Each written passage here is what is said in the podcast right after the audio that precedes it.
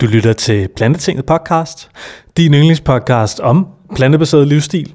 Og i dette afsnit af Plantetinget, så bringer vi et særafsnit i samarbejde med Dansk Vegetarisk Forening. Så den næste halvanden time, det vil være en valgdebat fra Kulturhuset Kilden i Brøndby med temaet Hvad er politikernes vision for klimavenlig mad?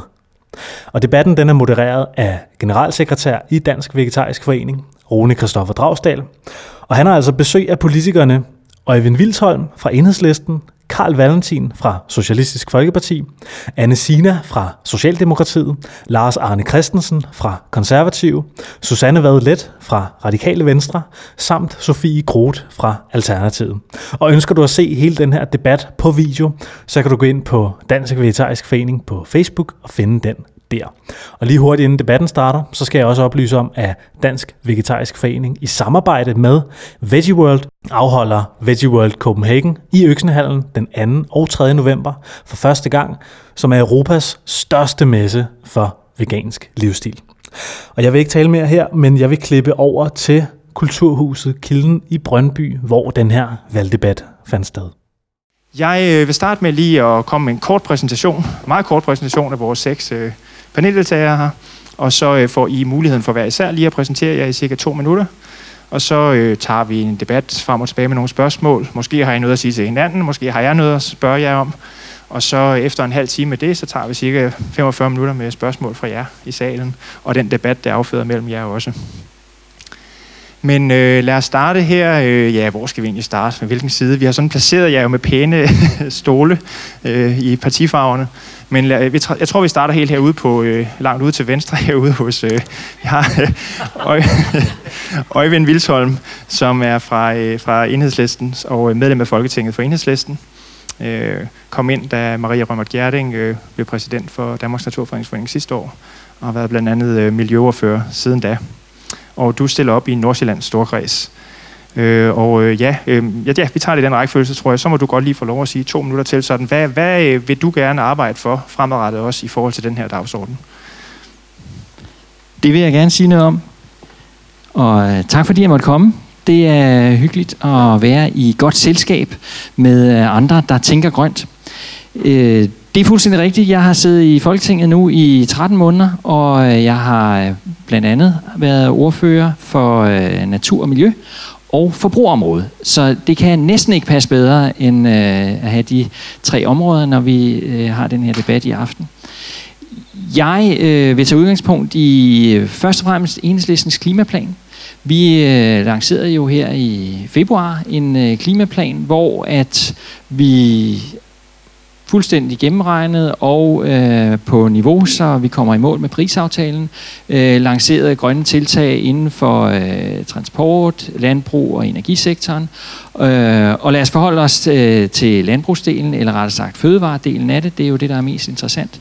Øh, vores øh, greb i forhold til at sikre øh, mere klimavenlig mad, det er at indføre en øh, CO2-afgift på al landbrugsproduktion altså ikke kun på kød, men på al landbrugsproduktion, så både øh, de klimabelastende øh, grønne varer, de klimabelastende oste og mælkeprodukter, og selvfølgelig det klimabelastende kød øh, bliver øh, afgiftsbelagt. Det betyder selvfølgelig også, at øh, forbrugsvarerne stiger lidt, øh, men, men primært giver det også landbruget et incitament til at omlægge produktionen til det, der er mest klimavenligt. Øh, for os er det også vigtigt, at det bliver en øh, socialt retfærdig omstilling. Og det betyder, at de afgifter, vi opkræver, dem øh, insisterer vi på, at de bliver ført tilbage til dem med de laveste indkomster. Og på den måde øh, gør vi det også besværligt for os selv, for når folk med lave indkomster, og det gælder sådan set alle, men særligt dem med lave indkomster får flere penge mellem hænderne, så bruger de dem også igen. Så det, de dynamiske effekter, der kommer ud af, at folk får flere penge mellem hænderne, var vi så nødt til at regne med og anstrenge os endnu mere. Men øh, det korte og lange er, at vi får ikke nogen ordentlig grøn omstilling, hvis ikke at vi har en forståelse fra også dem med de lave indkomster. Det ender med, at øh, vi vender bunden i vejret, og på den måde risikerer vi at miste opbakningen øh, til det grønne projekt. Det var meget kort øh, den måde, vi vil gribe tingene an på, og jeg tænker, der bliver lejlighed til at uddybe det senere. Tak for ordet. Super, og vi giver lige et bifald til hver enkelt af dem her, fordi når de introducerer sig. Og så vil jeg give ordet til Karl Valentin, ja. som er øh, kandidat fra folketingskandidat fra SF i øh, Københavns Storkreds. Og du har tidligere siddet i Folketinget en, en kort periode under en øh, årlov. Jeg tror, det var Carsten Hønges øh, årlov. Det er helt rigtigt. Og så derudover er du tidligere landsformand for SF Ungdom. Men øh, ja, lad os høre lidt om, hvad du, øh, hvad du pynser på, hvis du skulle få en plads i Folketinget, i forhold til det plantebaserede. Ja, jamen tusind tak for det. Øh, som sagt hedder jeg Karl Valentin, og til daglig så læser jeg på Københavns Universitet og stiller sig også op i København. Og øh, jeg tror, øh, der er, der er ret stor forskel på, hvad SF har på programmet, øh, som de synes, vi skal gøre i forhold til det her område, og så hvad min egen langsigtede vision er. Det må jeg bare sige øh, meget direkte. Øh, jeg er privat øh, veganer og synes helt grundlæggende, at vi skal gøre alt, hvad vi kan for at arbejde væk fra den animalske produktion. Men i forhold til det, som øh, SF har øh, på programmet, så synes jeg faktisk, der er rigtig mange progressive ting. Noget af det, øh, vi blandt andet kæmper for, det er, at vi skal fjerne al støtte til øh, markedsføring øh, af, øh, af kød og de mest klimabelastende mælke, mælkeprodukter på eksportmarkedet. Vi, der ligger også i vores øh, landbrugsudspil, øh, som hedder en, øh, en øh, hvad er det nu, det hedder, en stærk klimaindsats i landbruget, øh, at øh, vi skal lave en forskningspulje på... Øh, som kan bruges til at forske i alternativer til kød- og mælkeprodukter, det vil sige sådan nogle produkter som Naturlige og Alpro og Violife og sådan noget, er rigtig gode til at lave i de her år. Vi kæmper også for, at øh, der skal indføres en klimaskat på fødevarer.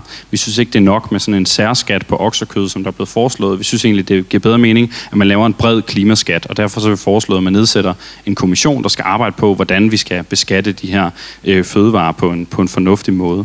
Derudover så, så er jeg fuldstændig enig med Øjvind i, som også ligger i vores øh, landbrugsudspil, at vi skal have en øh, skat på landbrugets udledning af lattergas og CO2 og metan. Fordi det er den mest effektive måde at omstille landbruget på, udover at pille ved landbrugsstøtten, og det kan man jo desværre ikke i Folketinget, som jeg stiller op til, men det synes vi, man skal gøre på EU-plan. Øhm, en af mine mest centrale mærkesager, som jeg sætter fokus på i valgkampen, det er også, at vi skal have et tilbud om plantebaseret mad i alle offentlige køkkener, som der jo desværre ikke er nogen partier, der har foreslået endnu, men som der har været et borgerforslag fra, fra, fra DVF også, som øh, jeg støtter rigtig meget op om. Ja, tak for ordet.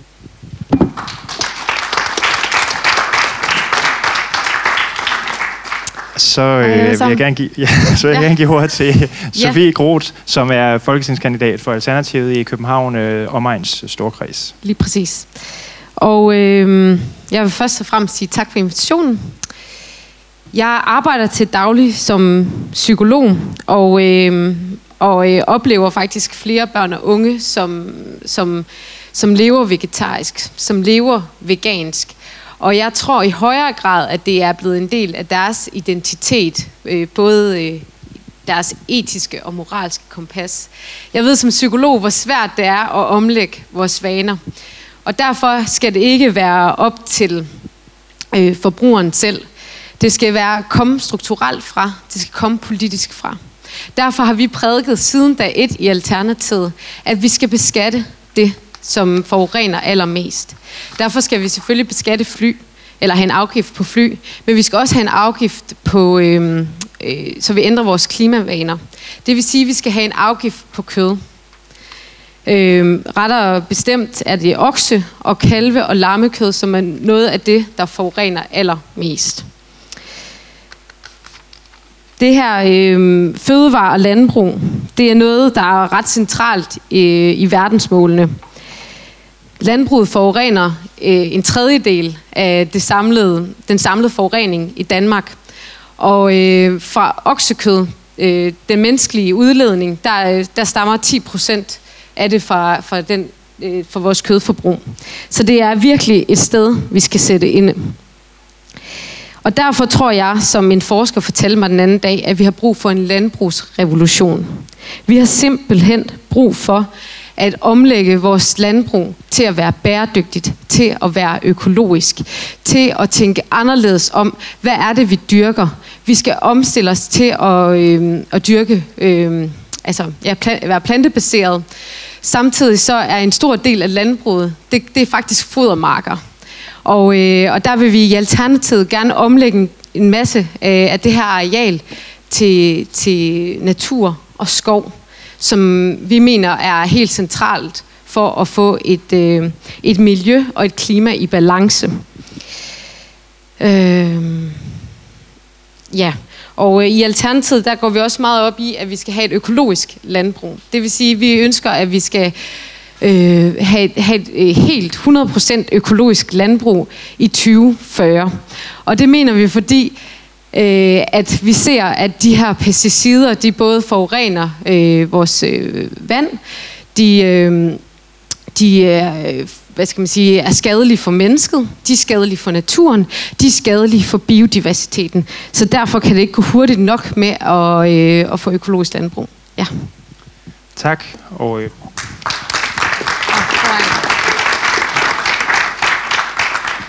Næste levende billede her er Susanne Vadelet, som også er folketingskandidat øh, i øh, Københavns omegns storkreds for Radikale Venstre. Tak for det. Velkommen og, til. Og, ja, lad os høre, hvad du, har, hvad du tænker, øh, og jeres parti tænker, der skal gøres i forhold til den her plantebaserede dagsorden. Tusind tak for invitationen. Øh, mit navn er Susanne Vadelet, og jeg stiller som sagt op for Radikale Venstre. Øh, til daglig arbejder jeg i, i en kommune, hvor jeg arbejder med dagtilbud, folkeskoler og udsatte børn og unge. Jeg mener, at vi kan gøre rigtig mange ting for, at øh, vores fødevareproduktion og forbrug bliver mere klimavenlig. Både som øh, enkeltvis forbruger, men også øh, som forgangsland i, i den grønne omstilling. En måde, at vi kan få danskerne til at spise mere plantebaseret kost på, kan være at øge kendskabet til, øh, hvad er det for noget mad, der egentlig øh, er plantebaseret. Det kan vi gøre ved at servere mere plantebaseret kost øh, de steder, hvor øh, vi serverer mad i det offentlige. Det kan være i vores daginstitutioner, det kan være i vores skoler, det kan også være på vores arbejdspladser, øh, hvor øh, mange af os spiser i kantinen. På min egen arbejdsplads, der har vi for eksempel øh, en enkelt kødfri dag om, om ugen. Måske skulle det vende sig om at sige, at vi havde en enkelt dag med kød om ugen og resten var øh, plantebaseret. På den måde kunne man blive introduceret mere til øh, plantebaseret kost, end vi egentlig gør i dag. Og vi kan tage de vaner med os hjem og sige, at det er da egentlig også muligt at, at spise på en helt anden måde, end, end jeg i hvert fald normalt gør, fordi ja, jeg spiser øh, faktisk en hel del kød og fisk og, og kylling. Men øh, jeg tror godt, at det kunne lykkes at vende sådan en til mig til at spise langt mere plantebaseret, og sikkert også rigtig mange andre. Det gælder bare om at få øjnene op for det. Øhm. Og jeg tror, det virker, hvis flere af os begynder at spise mindre kød. Så har det en stor effekt. Og 80% af vores landbrugsarealer bliver faktisk brugt til at producere øh, mad til, de, til den dyreproduktion, vi har. Hvis vi kan reducere kødforbruget bare en lille smule, så kan vi frigive en stor del af det her landbrugsareal til skovbrug, til øh, græsarealer og til glæde for øh, plantediversiteten og til glæde for dyrelivet. Det betyder, at vi skal tage, øh, vi skal tage de sårbare jorder ud af drift. Øh, og i Radikale Venstre vil vi sådan set gerne have en meget ambitiøs omlægning af det danske landbrug. Det skal være vores nye klimaeventyr, ligesom vi har haft vindmølle- øh, og vindenergi-eventyret. Vi skal investere i denne omlægning, så det bliver attraktivt for øh, landmænd at omlægge, produ- omlægge produktionen til en mere klimavenlig produktion. Men vi kan selvfølgelig ikke gøre det alene i Danmark. Derfor skal vi også have EU med som medspiller, og vi som Europa kan vise resten af verden, hvordan vi laver en klimavenlig øh, madproduktion og en klimavenlig omstilling. Jeg vil arbejde for, at vi i Danmark går for os for at vise resten af verden, hvordan det kan lade sig gøre, både som forbruger, som landbrugsland, og lave den nødvendige omstilling, som vi er nødt til at øh, sætte i gang nu.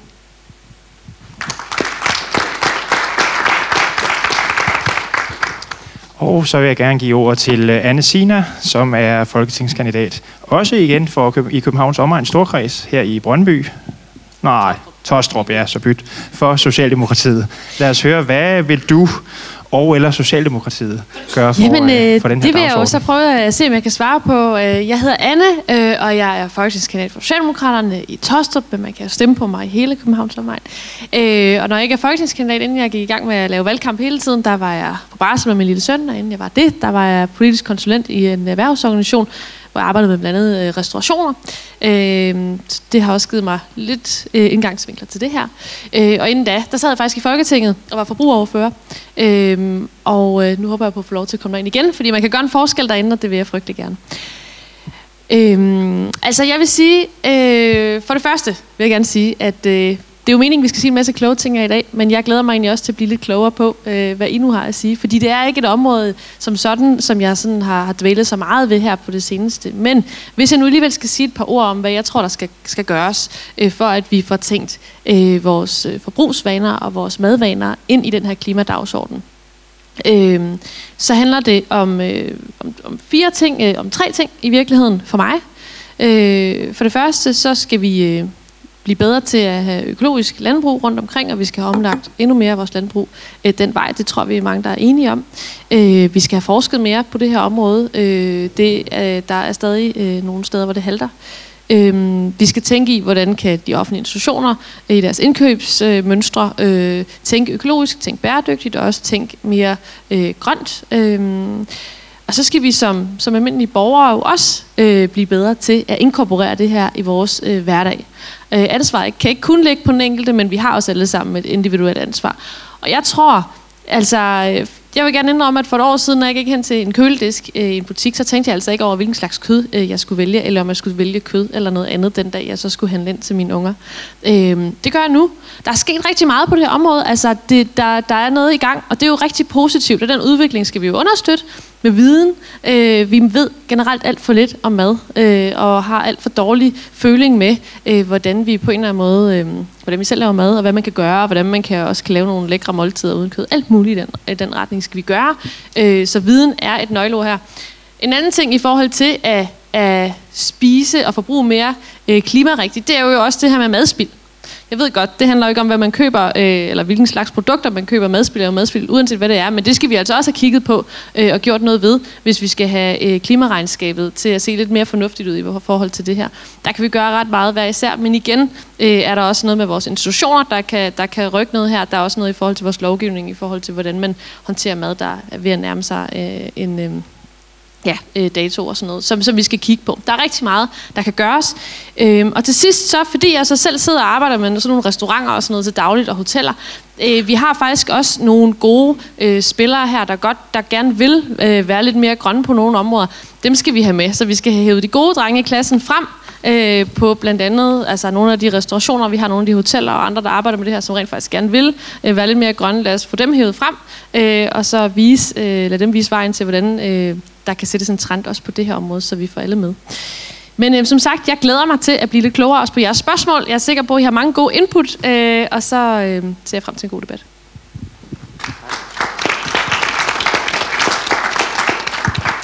Og øh, aftens sidste paneldeltager er Lars Arne Christensen, som øh, ringede mig op i dag og spurgte, om du kunne nå at være med. Det var jo fantastisk. Vi lige fik en sjette paneldeltager deltager på. Du er folketingskandidat for det konservative Folkeparti i Nordsjælland. Lad os høre, hvad, øh, hvad tænker du i forhold til den her dagsorden med sådan at fremme mere klimavenlig mad og landbrug? Hvad, hvad tænker du, og hvad vil du og eller dit parti arbejde for i den retning? Først og fremmest tak, fordi jeg fik mulighed for, for at være med her i dag. Øh, det er dejligt at se, at der er faktisk kommet relativt mange, vil jeg sige. Jeg har set det vælgermøde, der er dårligere besøgt end det her. Så det tror jeg egentlig, vi alle sammen sidder og tænker. Er det ikke rigtigt? Ja, ja. Så det, I faktisk øh, bakker godt omkring jeres sag, og det, det synes jeg er rigtig godt.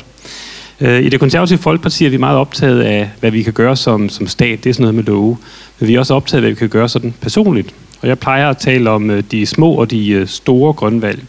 Og nogle af de store grønvalg, jamen der kan vi gå ind og lave love om de kring de små. Det vil vi kan gøre selv. Jeg har faktisk været med til at...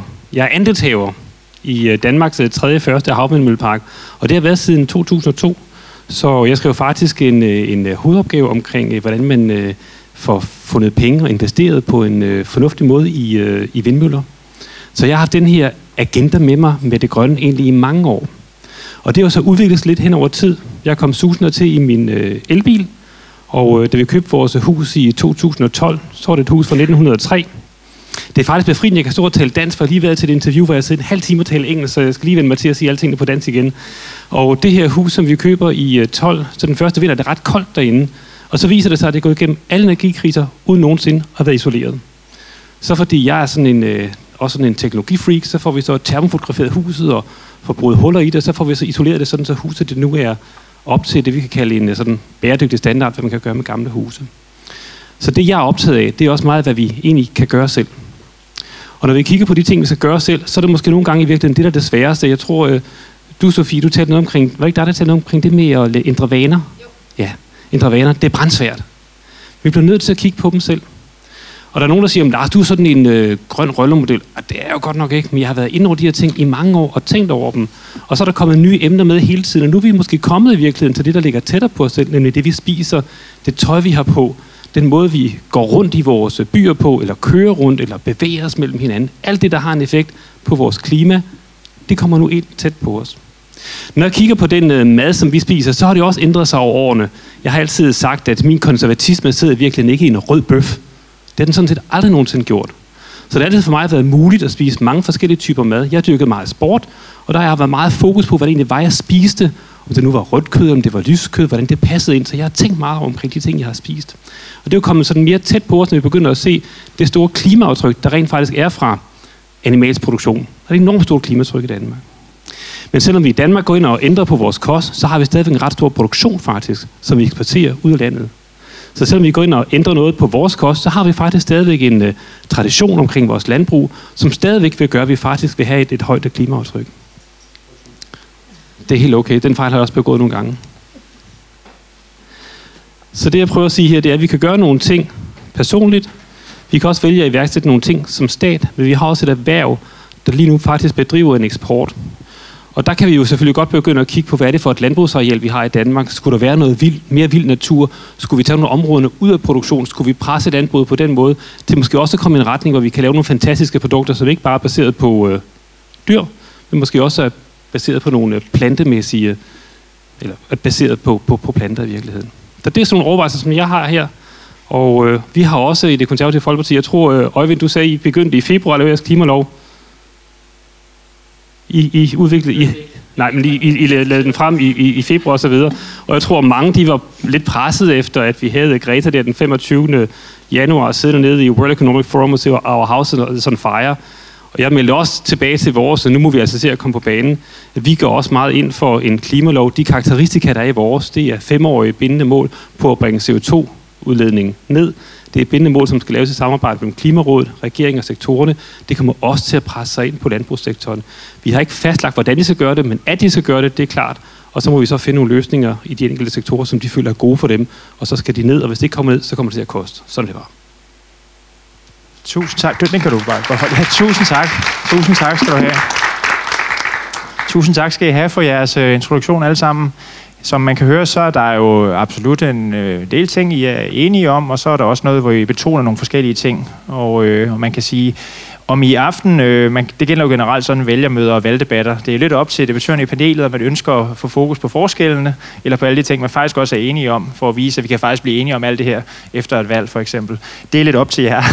Må vi se, om der er nogen her i salen, mig eller publikum, der kommer til at fremprovokere større eller mindre uenigheder. Men øh, hvad hedder det, Øjvind, du vil gerne lige bemærke noget, ja? Ja, men jeg synes, øh, og det er jo egentlig også måske meget en kommentar til det, øh, Lars Arne han øh, sagde før, nemlig øh, en, en væsentlig forskel, øh, som jeg noterede mig, er jo, øh, hvor meget man tror på det, som folk gør selv af frivillig vej, og hvor meget vi styrer fra politisk hold.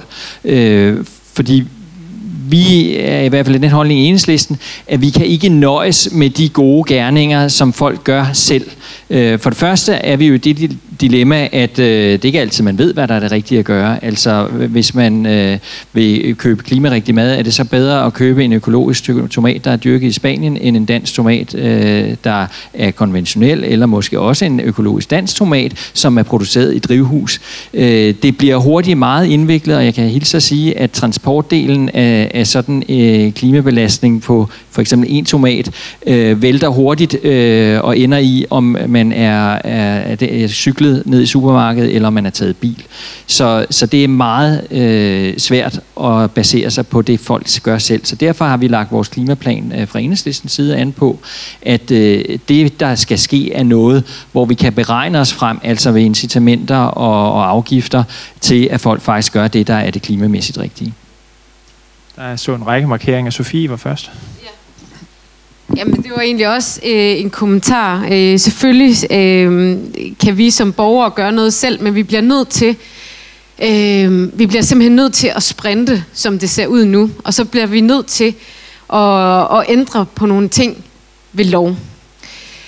Og, øh, og jeg må sige, at øh, den regering, som har siddet øh, der nu, har været med til, at vi har forurenet mere. Har været med til, at vi i højere grad har forurenet vores drikkevand. At, øh, at det har været mere... Øh, at det har været mere rentabelt at køre i store øh, diesel- og benzinbiler, end det har været at køre i elbiler. Øh, så der er nogle helt grundlæggende ting, der, øh, der har gjort, at man ikke har gået i en grøn øh, retning.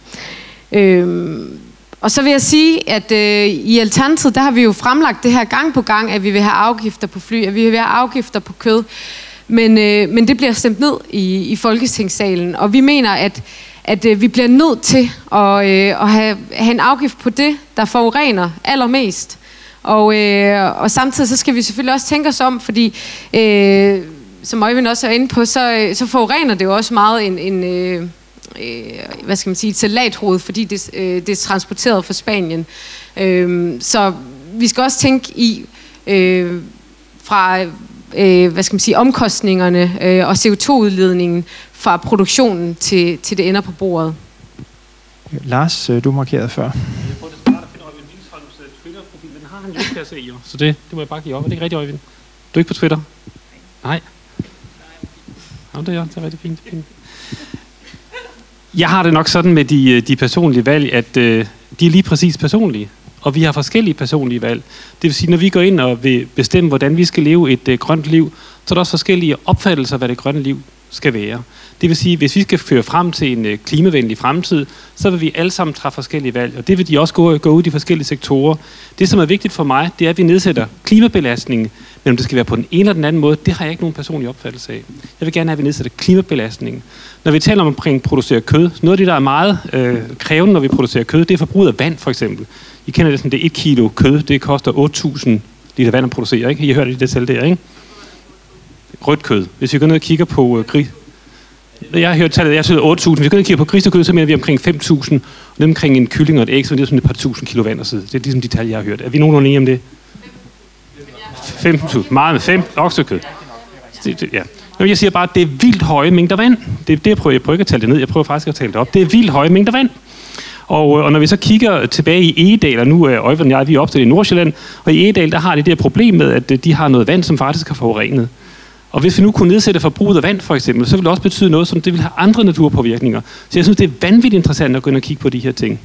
Men, uanset om der er en afgift på kød eller ej, så kan folk jo vælge bare at betale og gøre det. Så derfor synes jeg, det der også er vigtigt for mig, det er ikke bare afgiftsdelen, men det er også ligesom at forklare folk konsekvenserne af den livsstil, de har, og hvordan det påvirker vores samfund på forskellige negative måder. Jeg kan da bare købe det kød, jeg vil. Jeg kan da være ligeglad, men jeg er ikke ligeglad. Jeg synes faktisk, det betyder noget, og jeg vil gerne gå ind og arbejde med det, og det tror jeg, mange af os vil. Så derfor hele den der forklaring til folk omkring konsekvenserne af deres livsstil, synes jeg er ufattelig vigtig for at få bygget det ind i folk. Det tror jeg er meget mere effektivt end afgifter, men jeg har ikke noget problem med afgifter. Jeg synes faktisk, det er underholdende, at I gerne vil lægge afgift på, på kødet, men I vil ikke af nogle sociale årsager. Men uanset hvad for en social status folk har, så påvirker forbruget af kilo kød naturen på den samme måde. Øh, Karl markerede før. Ja, Nu er der, Der er fri, der er nu er der, ting. frit, nu er der frit klap her, ikke? Resten Der er mange ting, jeg her. gerne vil kommentere på i forhold til øh, særligt det her med, med det personlige øh, ansvar i det her. Altså, øh, først og fremmest, så øh, synes jeg, det er fremragende at se, at der er så mange mennesker, der er begyndt at gå foran. Og særligt den unge generation oplever jeg, når jeg, når jeg er ude i debatter, særligt på gymnasier og sådan noget, er enormt progressiv på den her dagsorden. Og jeg, kan, jeg oplever også, at det her forslag med plantebaseret mad i offentlige køkkener, som jeg præsenterer i stort set alle debatter, jeg er i i de her dage, det bliver taget rigtig, rigtig godt imod af folk, der sidder i publikum, og ikke så godt imod øh, blandt paneldeltagerne. Så det er jo rigtig, rigtig dejligt. Men jeg vil også bare sige, det er helt centralt af, for mig, at markedet det løser ikke problemerne i sig selv. Og oplysningskampagner kan være rigtig, rigtig fint, og jeg synes også, det vil være godt, hvis man underviste mere i plantebaseret mad i øh, hjemkundskab i folkeskolen og sådan nogle ting.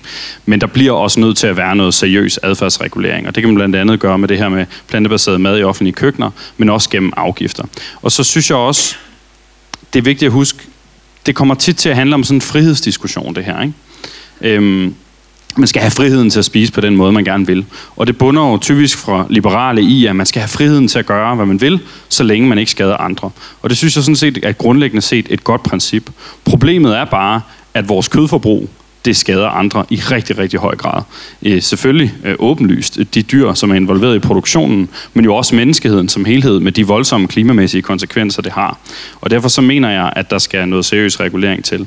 Og øh, der er mange områder, hvor vi skal gøre det let at træffe de bæredygtige valg, hvor plantebaseret mad jo er en del af det, men det er også sådan noget med transport, hvor vi skal have en flyskat og gøre det billigere og bedre at tage bus og tog. Vi skal sørge for at opgøre med brug og smid væk kulturen. Derfor så går jeg blandt andet til valg på, at man fjerner momsen på reparationer, så det bliver lettere at reparere og hæve reklamationsretten fra to til fire år, så, øh, så vi har øh, bedre mulighed for at få repareret vores produkter, i stedet for hele tiden at købe nyt. Der er mange ting, der skal til, og jeg mener, at de strukturelle forandringer er helt afgørende. Øh, vi giver lige ordet til, til øh, Anne og Susanne. Jeg ved ikke, hvem af der var markeret først. De markerede cirka samtidig, men øh, Anne først, yes. Og lad os prøve et generelt at holde sig relativt kort kommentarer, så vi kan få lidt spil frem og tilbage. Yes. Altså, jeg, jeg synes jo det her, altså jeg synes jo det er interessant, øh, og øh, interessant også ud over snakken om, skal vi nu have afgift på oksekød eller ej, det her med, øh, hvad, altså, hvad er øh, personligt ansvar, og hvor går grænserne, og hvor skal, skal samfundet på en eller anden måde træde til. Øh, og jeg har det sådan personligt, at hele forudsætningen for, at vi kan træffe nogle personlige valg, øh, det er jo på en eller anden måde, at vi har et eller andet at basere det her på og at vi har noget viden, øh, og vi har nogenlunde samme forudsætninger for at træffe de her valg. Og, og jeg, jeg medgiver jo gerne, at det er monster svært at finde ud af. Altså, jeg tør heller ikke købe, jeg ved slet ikke, altså, men lad bare være med at købe tomater efterhånden, ikke ved, hvilke man nu skal tage. Øh, nej, men altså, øh, så der er jo noget kompleksitet i det her. Og jeg tror, noget af det kan vi godt få, vi kan godt få løftet niveauet, vi, bundniveauet for, hvad vi har af viden om mad øh, og forbrug er, er øh, lavt hos rigtig mange, og det, det skal vi gøre noget ved. Altså, øh, og det gælder både medspillere, det heller, gælder også, også øh, hvordan vi kan købe lidt mere grønt. Øh, så det er den ene del af det. Jeg har, jeg har øh, Socialdemokraterne går jo ikke ind for, at vi skal have en afgift på, på, på kød øh, med videre.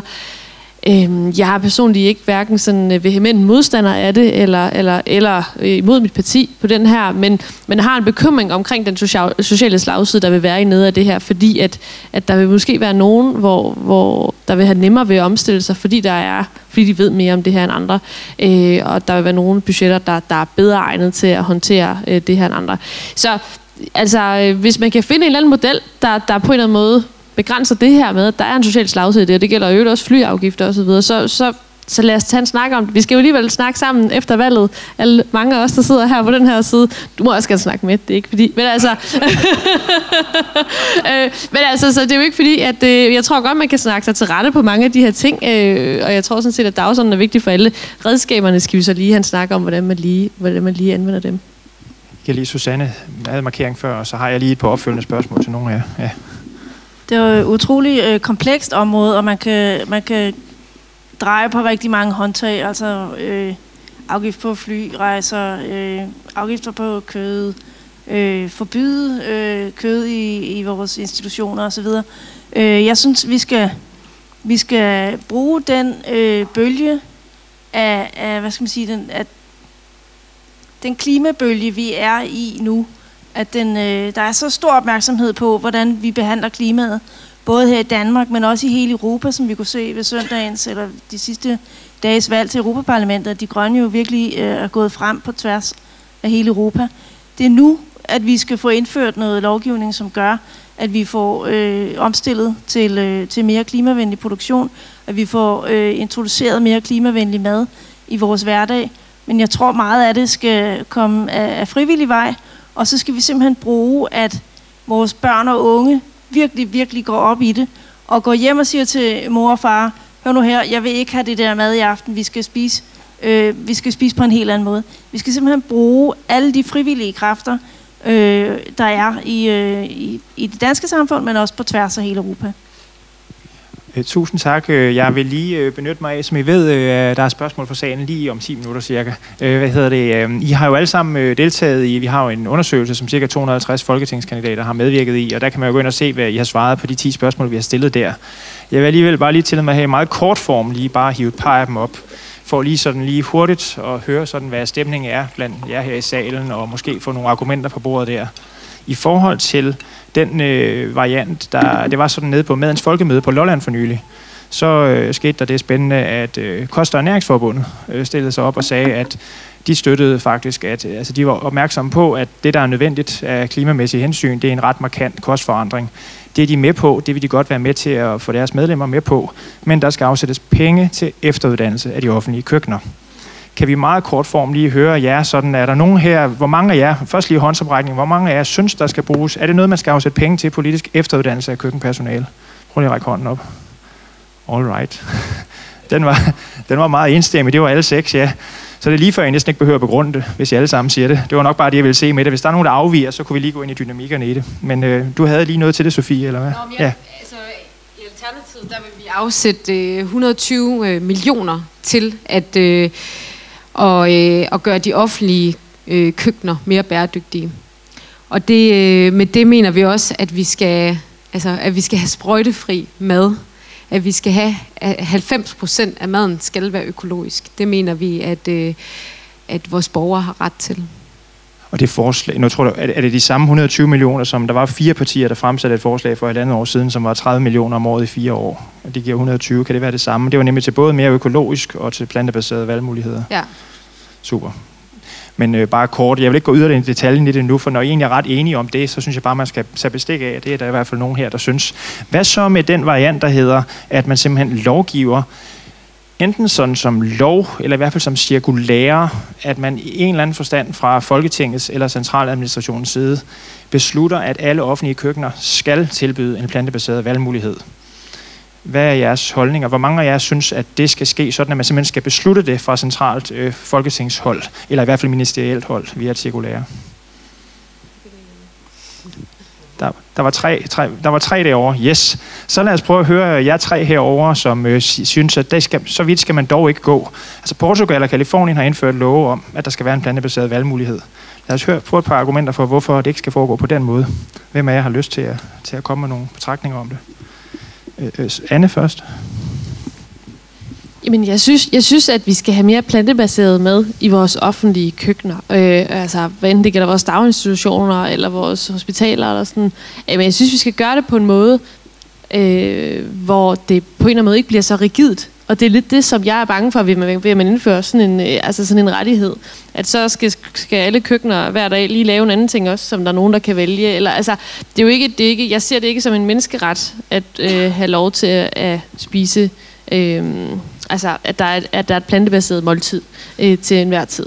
Det er ikke det, der er hensynet her. Hensynet her handler om, at vi skal have omstillet større dele af vores øh, samlede produktion, øh, eller samlede mad, øh, til, øh, til at være plantebaseret. Altså, så, så det er jo ikke sådan noget med, at der så hver dag skal være en plantebaseret øh, option, men det handler mere om, at om, som mandag, så er der altså bare grøddag nede i vuggestuen, og, og så er der ikke noget kød. Altså, så, og så er der en anden dag, hvor der så er kød. Altså, det, det skal ikke blive så rigidt, og det er virkelig det, jeg er bange for her, så det kommer til at være, bare være besværligt. Og det, det synes jeg ikke, det er ikke det, der er hensynet her. Øhm. tager os lige en runde med Lars og Susanne, og så får I lov på den anden side bagefter. Ja, Lars, værsgo. Nu har jeg været til en uh, række debatbøder med en endeløs række af røde politikere. Her har jeg fået lov til at få dem alle sammen alene, så det er jo rigtig fedt. Og, øh, og, og jeg har også fået lov til at ud og diskutere ældrepolitik og sundhedspolitik og skolepolitik.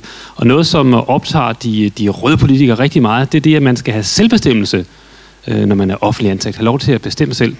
Derfor synes jeg også, det er vildt underholdende i dag, at jeg kan se på øh, mit Twitter-spor, at nu er enhedslisten uden at sige, at man skal have ret til at bade to gange om ugen som en ældre. Og det lyder jo umiddelbart øh, meget rimeligt, at man skal have ret til at bade to dage om ugen. Problemet er bare, når vi gør ting til retskrav, så fratager vi nemlig lige præcis også muligheden for selvbestemmelse. Fordi er der et retskrav, så skal man også følge op på, jamen, er der den her grønne mad derude, og har man badet de der to gange, og har man fået støvsud tre gange osv. Og så ender vi igen med at skulle gå ind og lave de her kontroller og overkontrollere de offentlige ansatte. Så det jeg tænker omkring de her ting, det er, jeg synes det er fedt, at man får badet det man skal, man får støvsud det man skal, og man også kan få grøn mad, som man nu har lyst til. Men der må også være et rum for det, jeg kalder selvbestemmelse. Og det er det, jeg gerne vil gøre. Jeg tror, at i den side her står der formtanken tilbage igen. Kan I se, der står der formtanken tilbage igen, ikke? Vi har godt alle sammen tænkt os om. Så nogle steder vil folk synes, det er fedt, at vi skal have grøn mad, og så får de talt sig til rette omkring det, fordi det er en mulighed. Det er ikke nødvendigt et retskrav. Og andre steder, der regulerer man måske, at man vil gerne bade tre gange om ugen, eller støvsud på andre lederkanter. Så vil jeg gerne bringe selvbestemmelsen tilbage i den offentlige sektor til de offentlige ansatte. Det betyder så også bare, at det ikke er alt, der skal være retskrav. Susanne, kort kommentar også, og så skifter vi. Yes. Jeg er meget enig i øh, det, der bliver sagt her, at det, det er ikke Folketingets opgave at lovgive øh, på det niveau. Øh, jeg synes til gengæld, det er noget, vores øh, kommunalbestyrelser øh, øh, kunne tage stilling til, og måske også øh, lægge ud til vores øh, øh, bestyrelser i daginstitutioner, bestyrelser i, øh, i skoler. Øh, det må være derude hos brugerne, at man tager øh, stilling til, om man ønsker at, øh, at lave om i, hvordan man øh, spiser. Der var et par juge hænder på den anden side, øh, så lad os høre, hvem vil starte. Karl måske, så Øjvind? Yes. Gerne. Jamen, jeg synes helt klart, at det skal være en ret. Altså fordi for mange mennesker, så er det at spise plantebaseret et, et meget, meget værdibåret valg. Altså det handler for nogen om dyreetik, det handler for nogen om klima, der er også nogen, der gør det øh, af sundhedsmæssige årsager. Og jeg synes faktisk, at det er en ret stor øh, begrænsning af den enkeltes frihed, hvis man ikke har mulighed for at spise mad efter sine etiske idealer. Og det er jo altså tilfældet i dag desværre, hvor man oplever øh, ældre medborgere, som ikke har mulighed for på deres plejehjem at få den mad, som de godt kunne tænke sig, øh, som ikke oplever det, når de er syge og indlagt på hospitalerne. Øh, så jeg synes faktisk, det her det er en frihedsdiskussion, nemlig friheden til at vælge plantebaseret mad til. Så synes jeg også, vi skal huske på, at 51 procent af danskerne faktisk siger direkte, at de ønsker at begrænse deres kødforbrug. Så der er altså et ønske hos befolkningen om at spise på en anden måde, men rigtig mange gør det ikke, fordi de synes, det er for svært. Så lad os dog som politikere gøre det så let som muligt for folk at vælge det plantebaseret til. Det synes jeg er et, en, et minimumskrav. Altså jeg synes, det er faktisk en, en ret pragmatisk tilgang at sælge ud plantebaseret mad, mad i offentlig køkken. Det er trods alt kun et tilbud. Selvbestemmelsesdel. Jeg synes, det er en utrolig vigtig diskussion. Selvbestemmelse. Nu skal jeg nok fortælle dig, hvad selvbestemmelse er, Lars Arne. Øh, sagen er jo, at, øh, at den siddende regering har, har, har gjort meget for at holde kommunerne i stramme tøjler, og kommunerne har ikke de midler til rådighed, som øh, de gerne ville bruge til for eksempel at, at give mulighed for at få et plantebaseret måltid i daginstitutioner eller i de offentlige køkkener i det hele taget. Øh, og når du så nævner sådan noget som to bade, så er det jo ikke fordi, at folk skal bades. Øh, det er jo fordi, folk skal have ret til det. Det behøver ikke kontrolleres. Det er bare sådan, at folk kan sige, når de øh, har lyst til at få et bad to gange om ugen, så har de ret til at få det. De er ikke nødt til at vente på, at kommunen har lyst til, at, at de kan få et bad på et eller andet tidspunkt. Når vi, det gælder sådan set også øh, i daginstitution, det er også et vigtigt krav, og når vi er villige til at sætte det som et krav fra, fra Folketingets side, så er det også for at sikre, at der er nogle minimumsniveauer, øh, som borgerne kan være sikre på at opleve, så pengene øh, til service faktisk bliver brugt på service. Og når vi også støtter op om at give ret til et plantebaseret måltid i øh, de offentlige institutioner, så er det også øh, fordi, at kommunerne på den måde kan være en motor i den grønne omstilling, når det gælder kosten. Det har kommunerne jo faktisk været i forhold til økologi. Mange kommuner har omlagt med økologi i deres institutioner. Det har også været med til at fremme produktionen af økologi. Så bare for at sige, og jeg må sige en ting til os, at når vi er nødt til at, at tale kost i Danmark, så er det jo fordi, at vi er et af de lande, der er allermest øh, klimabelastende. Altså vi er klimabelastende på linje med USA og de arabiske stater. Øh, problemet for klimaet er ikke, at øh, der er mange mennesker øh, i, i den tredje, tredje verdens lande. Problemet er, hvis de begynder at optage en livsstil på linje med vores, altså begynder at spise kød i samme omfang. Så vi bliver altså nødt til at vise, hvordan det skal gøres, så når de omlægger og får flere penge øh, i, de, i udviklingslandene, at de så kan gøre det på en måde, som vi gør fremover, på en mere klimarigtig måde, end den måde, vi gør i dag. For hvis de gør det, som vi gør i dag, så går kloden nedenom og hjem meget hurtigt. Så er der lige... Der er lige tid til en lille kommentar også fra Sofie. Ja, jeg vil bare lige gøre det kort. Altså, øh, Anna Sina, nu taler du om, øh, om, at det ikke skal være en ret at spise plantebaseret. Men hvornår er det blevet en ret? Øh, hvornår har man fået en ret, øh, eller hvornår er det blevet en ret at spise kød? Hvornår er det blevet en ret at, og, øh, at flyve? Altså, og, øh, og hvis... Og, og så i forhold til, til afgifterne på gød, på kød og den sociale slagside, Ønsker I så også at fjerne afgifterne øh, i forhold til tobak? Ønsker I også at fjerne afgifterne på, øh, på, på biler og, og køretøjer? Altså, øh, jeg, jeg mener, at, øh, at det her... Øh, altså, vi skal sprinte, og, øh, og det kræver virkelig en seriøs omstilling. Øh, vi kan ikke øh, løbe et øh, sløvt maraton, vi skal virkelig løbe stærkt, og derfor skal vi, skal vi skabe de bedste incitamenter til at vælge øh, den bæredygtige vej. Og det, det gør vi ved at øh, det gør vi blandt andet ved at, øh, at få det ud i skolerne, ved at, at undervise i det, men også at den mad, som man får ude i institutionerne, den selvfølgelig er bæredygtigt, og det er muligt at vælge, øh, vælge et, en plantebaseret øh, øh, kost. Så øh, nu skal jeg lige se, hvad jeg har skrevet her.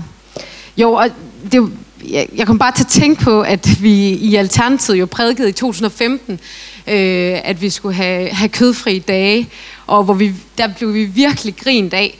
Men jeg synes, det er et ret godt bevis på, øh, hvor, hvor, øh, hvor vigtigt det er, at man er ambitiøs og progressiv. For prøv at se, hvor vi er i dag, fire år senere. Der, øh, nu diskuterer alle partierne faktisk, hvem der kan være grønnest, og det mener jeg, Alternativet virkelig har været med til at få på dagsordenen ved netop at, at være meget mere ambitiøs. Så øh, I skal nok lige, jeg vil gerne lige have en replik ja, fra, faktisk fra jer to, tror jeg, Lars og Anne. Og det er øh, med udgangspunkt i øh, det, som der er blevet sagt over på den anden side, i forhold til det her med en, med en, en rettighed, en plantebaseret valgmulighed. Men altså, vi støder jo også på mennesker, som har øh, været igennem en øh, hjerteoperation, og som faktisk lidt frustreret siger bagefter, at de vil ønske, det var nemmere tilgængeligt. Så for eksempel som minimum, at man i hvert fald indførte, at det skulle være sådan på hospitalerne men, men også andre steder generelt. Altså de faktisk føler, at det er en politisk opgave at gøre det nemmere tilgængeligt i dagligdagen, fordi oplysning tager, tager længere tid også. Hvad, hvad tænker I om det, når der faktisk er nogle mennesker derude, som er kraftigt overvægtige og føler lidt, at, at der er et eller andet strukturelt, der har svigtet i forhold til at gøre det grønne mere tilgængeligt? Hvad vil I sige sådan til dem? Altså, jeg har selv øh, været vegetar i 10 år af mit liv, og jeg boede i Sønderjylland. Jeg skal hilse at sige, at jeg har spist kartofler, kartofler, kartofler i mange år, fordi øh, ja, det var ligesom det, der var. så øh, jeg kender godt øh, lidt udfordringen her, øh, og forstår det også godt. Så det er ikke, øh, altså jeg synes, hvis man skal være lidt pragmatisk her, jeg synes jo ikke, at det er en rettighed, at man skal spise kød hver dag, for eksempel. Det er også derfor, jeg siger, øh, jeg synes sagtens, man i daginstitutioner og alle mulige andre steder kan have nogle øh, kødfri øh, retter en gang imellem.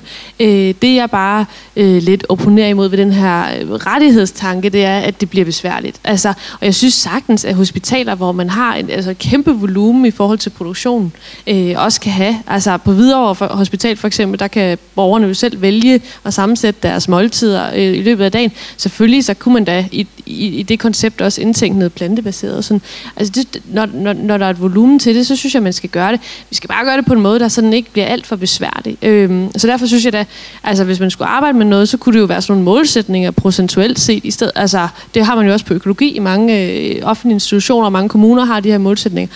Det er lidt mere, synes jeg, måske lidt mere fleksibelt redskab, øh, som ikke øh, forpligter øh, alle institutioner til på daglig basis at, at, at kunne øh, stille et plantebaseret måltid til rådighed. Det er der, hvor jeg synes, det bliver bøvlet. Så det er ikke, fordi jeg ikke synes, vi skal kigge på det her stille og roligt, men, men altså, jeg tror, det er mere håndterligt.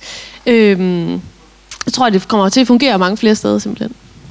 Jeg lige Ja, ultrakort kommentar til okay, dig, og så ultrakort til Lars Arne, at det skal være besværligt, det skal være bøvlet. Ja. Øh, Al Gore han sagde i sin tid, øh, at klimakrisen det var the inconvenient truth, den ubelejlige sandhed. Og det er det. Det skal ikke være belejligt, det her. Vi, øh, og det, men det kræver, det kræver, at øh, det kan godt være, det er besværligt, det kan godt være, det er bøvlet, men det er det, det kræver. Men, men så lad os tage det helt andet, andet synspunkt. Dansk Folkeparti for eksempel, de har ment, at det skulle være et retskrav, man skulle kunne få frikadeller i børnehaver. Det mener jeg så, det, jamen det mener jeg så sjovt nok også er forkert. Ikke? Nej, prøv nu at lytte til at sige. Det jeg siger, Dansk Folkeparti har fremsat som krav, at man skulle have et retskrav på at kunne få frikadeller i børnehaver. Og det jeg så siger det her, det mener jeg er lige så forkert som et retskrav om, at man skal kunne få plantebaseret kost i en børnehave. Nej, nej. Vi har 11 år til at redde... Rolig, rolig, rolig, rolig. Rolig, rolig nu, kære venner, publikum her, ikke? Det, øhm. det, det, jeg tager fat i her, det er, hvad er det fornuftige her? Det er, at vi får mennesker til at tage fornuftige valg. Jeg vil gerne have, at vi får løftet de fornuftige valg ud til mennesker, mellem hinanden og også i forhold til vores institutioner, at det skal være en klar mulighed, at vores institutioner kan servere plantefri mad. Mm. Det er det, jeg siger. Når vi går ind og kigger på øh, minimumsnormeringer for eksempel, eller de her badelove, så taler vi om centralisme, at vi centralt inde i Folketinget skal bestemme, hvordan folk skal leve deres liv. Det mener jeg grundlæggende er forkert. Ikke fordi jeg selv har en moral, ikke har en moralsk og etisk opfattelse af, hvad det gode liv er, for det har jeg. Jeg har en klar etisk og moralsk opfattelse af, hvad der er bærende værdi i det danske samfund. Men jeg lader mig ikke forblænde af dem, og jeg vil ikke nedkaste dem over alle sammen, fordi jeg også gerne nogle gange vil lytte til, at folk har måske nogle andre synspunkter. Jeg synes, det er vigtigt, at vi flytter os fra en kødbaseret mad over til en plantebaseret. Jeg mener, det skal være en mulighed ude i vores institutioner. Jeg mener ikke, det skal være et retskrav. Ligesom det heller skal være et retskrav, man skal gå for frikadeller i en børnehave. Okay? Lige et uh, sidste, vi er nødt til at åbne op for, der er tid til spørgsmål fra publikum, men bare lige en hurtig håndsomrækning i forhold til det med, hvor mange af jer mener, at det er en opgave fra statslig side at gå ind med at sætte flere midler af til, hvad skal vi sige, oplysningskampagner af forskellige art. Det kan være kostråd, det kan være puljer til uh, forskellige former for oplysning på det her område. Hvor mange af jer mener, at det er en prioritet? Alright, det er der enighed om også. Right, så fik vi lige lidt enighed. nu er det så op til jer måske at finde ud af igen nuancerne. Ja, der er masser af spørgsmål, kan jeg se allerede her. Jeg tror, vi starter her hos... Uh, her. Værsgo. Skal, skal vi starte med mig? Jamen, jeg hedder Gudrun. Ja. sig gerne, om I retter spørgsmålet til, lad os sige, en, to personer helst. Jamen, jeg, jeg, jeg har faktisk tænkt mig at stille spørgsmål til Lars og Anne Sina, fordi øh, jeg vil egentlig godt have jer til at tænke over det her med, at... Øh, altså det her med retskravet, ikke? Altså jeg, jeg er fuldstændig enig i, at, at der skal også være noget... Altså jeg, jeg er helt enig med dig i, at man skal ikke lægge alt for rigide krav. Men det, som nogle borgere har brug for, det er, at de har valgmuligheden. At de har muligheden for at kunne vælge noget plantebaseret. Og det er især de svageste borgere, vi har. Det er de ældre borgere. Det er dem, der er under offentlig pleje. Og der har jeg i hvert fald set. Nu har jeg haft en mor, hun er lige død. Øh, hun blev rigtig gammel. Men hun ville så gerne spise plantebaseret, og der var, altså det der kommunale tilbud, der var, øh, ja, på et tidspunkt, så var der en forkølet ret på et menukort med 30 retter, ikke? Og på et tidspunkt var der ingenting. Altså pludselig var det bare væk. Og øh, ja, jeg vil godt høre, hvad I gøre ved det. Tak. Ja, to. Husk, øh, Lad mig prøve at starte ud, fordi det er som om, vi har glemt i Danmark, hvad selvbestemmelse er. Når vi vedtager noget ind i Folketinget, så bliver det en lov. Det er det, vi laver. Vi laver lov, så gælder det for alle sammen. Men selvbestemmelse er, at man bestemmer lidt forskelligt. Og så er det, hvordan er det lige, man gør det? Det har vi lidt glemt, fordi vi har lagt alt ansvaret ind i Folketinget og i kommunerne og regionerne osv. Men hvis vi har en, øh, en ældreinstitution for eksempel, så har den stensikkert en, jeg tror det hedder en bestyrelse, ikke? Hvis vi har en børnehave eller en fokusstue, så har den også en bestyrelse. Det skal være muligt for de bestyrelser, vi har i vores øh, fællesskaber, ude i vores øh, institutioner, at fastlægge en ramme for det her. Så det skal være muligt for dem at bestemme, at vi vil gerne lokalt i vores, på vores plejehjem, eller øh, vores børnehave, eller på vores skole, vil vi gerne prioritere det grønne op. Så skal der selvfølgelig også være mulighed for, at det kan rummes inden for de budgetter, der er selvfølgelig. Men det er det, jeg gerne vil have. Og så kan der komme forskellige udfald i forskellige institutioner omkring, hvordan man griber det her an. Men det har vi glemt, at, hvordan vi gør det. Vi tror, at det hele skal vedtages inde på Christiansborg. Det er forkert. Jeg er sådan set enig med dig, men det her, det drejer sig ikke om en institution, der er en bestyrelse for. Det drejer sig om en medordning. Altså, der må, altså, jeg ved ikke, om der skal lovgivning til, men der må et eller andet må der meget gerne komme til, at det her det bliver fremmet, at man har den mulighed. Men, men jeg synes, det skal være sådan, at vi har vores institutioner, så skal de drives til nogle bestyrelser. Og de her bestyrelser skal lære at tage ansvar. Jeg tror, vi har glemt at tage ansvar. Vi kan jo se, hvor, hvor, hvor få der ligesom byder ind i, i mange af de demokratiske processer. Nu er I her i dag. Hurra! Super godt. Der er ikke særlig mange, der kommer i de her sammenhænge. Fordi man ligesom bare siger, at øh, det må Øjvind bestemme, så må han lave en lov og så videre. Hvor jeg siger, jeg vil gerne lave nogen lov eller give nogen rammer, men I må selv tage ansvar for det. I må selv gå ud og melde ind i bestyrelserne, i vuggestuen, i skolen, ældreinstitutionerne. Tage ansvar for en madramme, som vi godt kan lægge op og sige, at der må gerne være plads til grøn mad. Men så må I tage ansvar for at få det igennem på jeres måde. Jeg vil gerne skubbe ansvaret tilbage til borgerne, så I også får omtanken igen. Og ikke bare placere hele ansvaret ind med nogle centrale, rigide øh, lovmærer ind på Christiansborg. For det mener jeg også gør vores samfund stift og ufleksibelt og virkelig lidt kedeligt til sidst. Anne, spørgsmål vil også stille til Anne, og sådan lige overordnet spørgsmål også. Har vi tid til at vente på, at de bliver truffet beslutninger ude i samtlige landets institutioner og kommuner, hvis vi måske har maks 10 år til at få ret store forandringer igennem? Altså, jeg tror, der skal to ting til. Og det, fordi jeg er jo med på det der med, at, at det der jo er det skøre her, det er, at der er 30 optioner, så kunne en af dem jo godt være plantebaseret. Ikke? Altså, når de alligevel laver 30 forskellige retter, så er det jo ikke besværligt at lave en, en, en, den ene af dem plantebaseret. Ikke? Fordi ja, det lyder ganske rimeligt i virkeligheden. Og der tror jeg i virkeligheden også, at vi er op imod noget, der bare handler om manglende viden. Øh, der, mangler, der handler om, at der er noget, måske noget kantinepersonale, eller dem, der, der, der laver det her, som, hvor, hvor kommunen køber det, eller hvordan det nu er. Der, der, er ikke, øh, der er ikke lige tænker det her ind. Altså, der er en læringsproces, og derfor synes jeg jo også, at, at det her forslag med, at der skal, altså, der skal mad, madspild og, og bedre øh, madvaner skal på skoleskemaet, men det skal også ind øh, de steder, hvor der er noget køkkenpersonale, der arbejder med det her. Det tror jeg, vi kunne rykke rigtig meget på det her. Øh, og så, så, som sagt, øh, jeg synes ikke, det skal være et retskrav øh, til enhver tid. Men, men, men, men man arbejder jo med målsætninger på økologiområdet, hvor man siger, at man, altså, der skal være så og så mange procent økologiske fødevarer. Man kunne også godt kigge på nogle målsætninger på det her område, så man ligesom over et, et år, eller sådan en forpligtelse til at, at, at kigge på det her. Altså sådan nogle ting, synes jeg sagtens, man kan arbejde med. Og kan vi vente?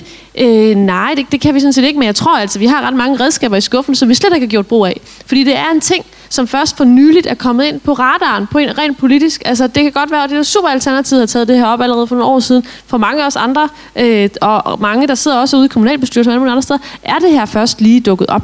Og derfor så er der jo mange øh, knapper, vi slet ikke har skruet på nu, som vi godt kan skrue på først, og det skal vi gøre, øh, og, og, og, før vi øh, sætter retskrav ind. Og sådan. Så, så det er efteruddannelse og oplysning og sådan noget? Du Jamen efteruddannelse og oplysning, men det kan også, altså, jeg tror ikke, det er en enkelt institution. Det tror jeg måske er lidt for øh, langt nede på niveau, men altså en enkelt kommune kan da godt kommunerne lave nogle, øh, nogle, nogle målsætninger på de her områder.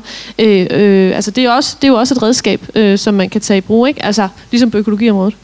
Yes, øh, både Karl og Øjvind har markeret øh, Øjvind, tror jeg først. Jamen altså, øh, det, er jo bare, det er jo bare at sige, øh, hvor meget vil vi vente på det her, og, og, og det her med at lade det op til den enkelte kommune eller den enkelte institutionsbestyrelse, det giver jo ikke nogen fremme. Ja, vi kan være heldige, at der så på, på et plejehjem er mange øh, vegetarer. Øh, det sker jo ikke overnight. Vi er nødt til at fremme, at, øh, at den øh, vegetariske og veganske kost kommer frem. Øh, og, og det gør vi altså kun ved at presse på, og, og øh, jeg kan ikke se anden øh, vej, end øh, at vi bliver nødt til at lovgive, og jeg er ikke bange for at lovgive, når det gælder noget, der er så vigtigt som klimaet.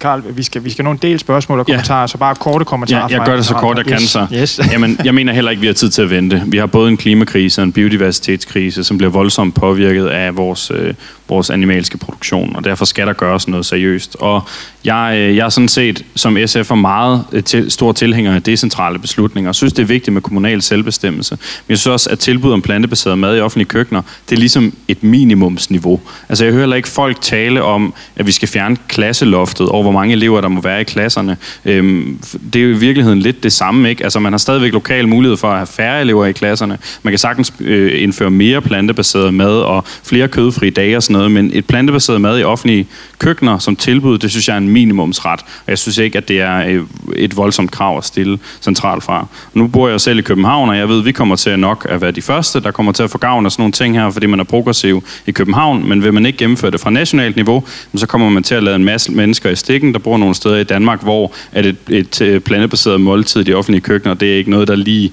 bliver vedtaget af den meget borgerlige kommunalbestyrelse kort kommentar fra Susanne, og så skal vi tilbage til jer hernede. Jeg synes, at øh, vi skal have lidt større tillid til vores kommuner. Øh, jeg synes ikke, vi skal have øh, lovgivning fra centralt hold.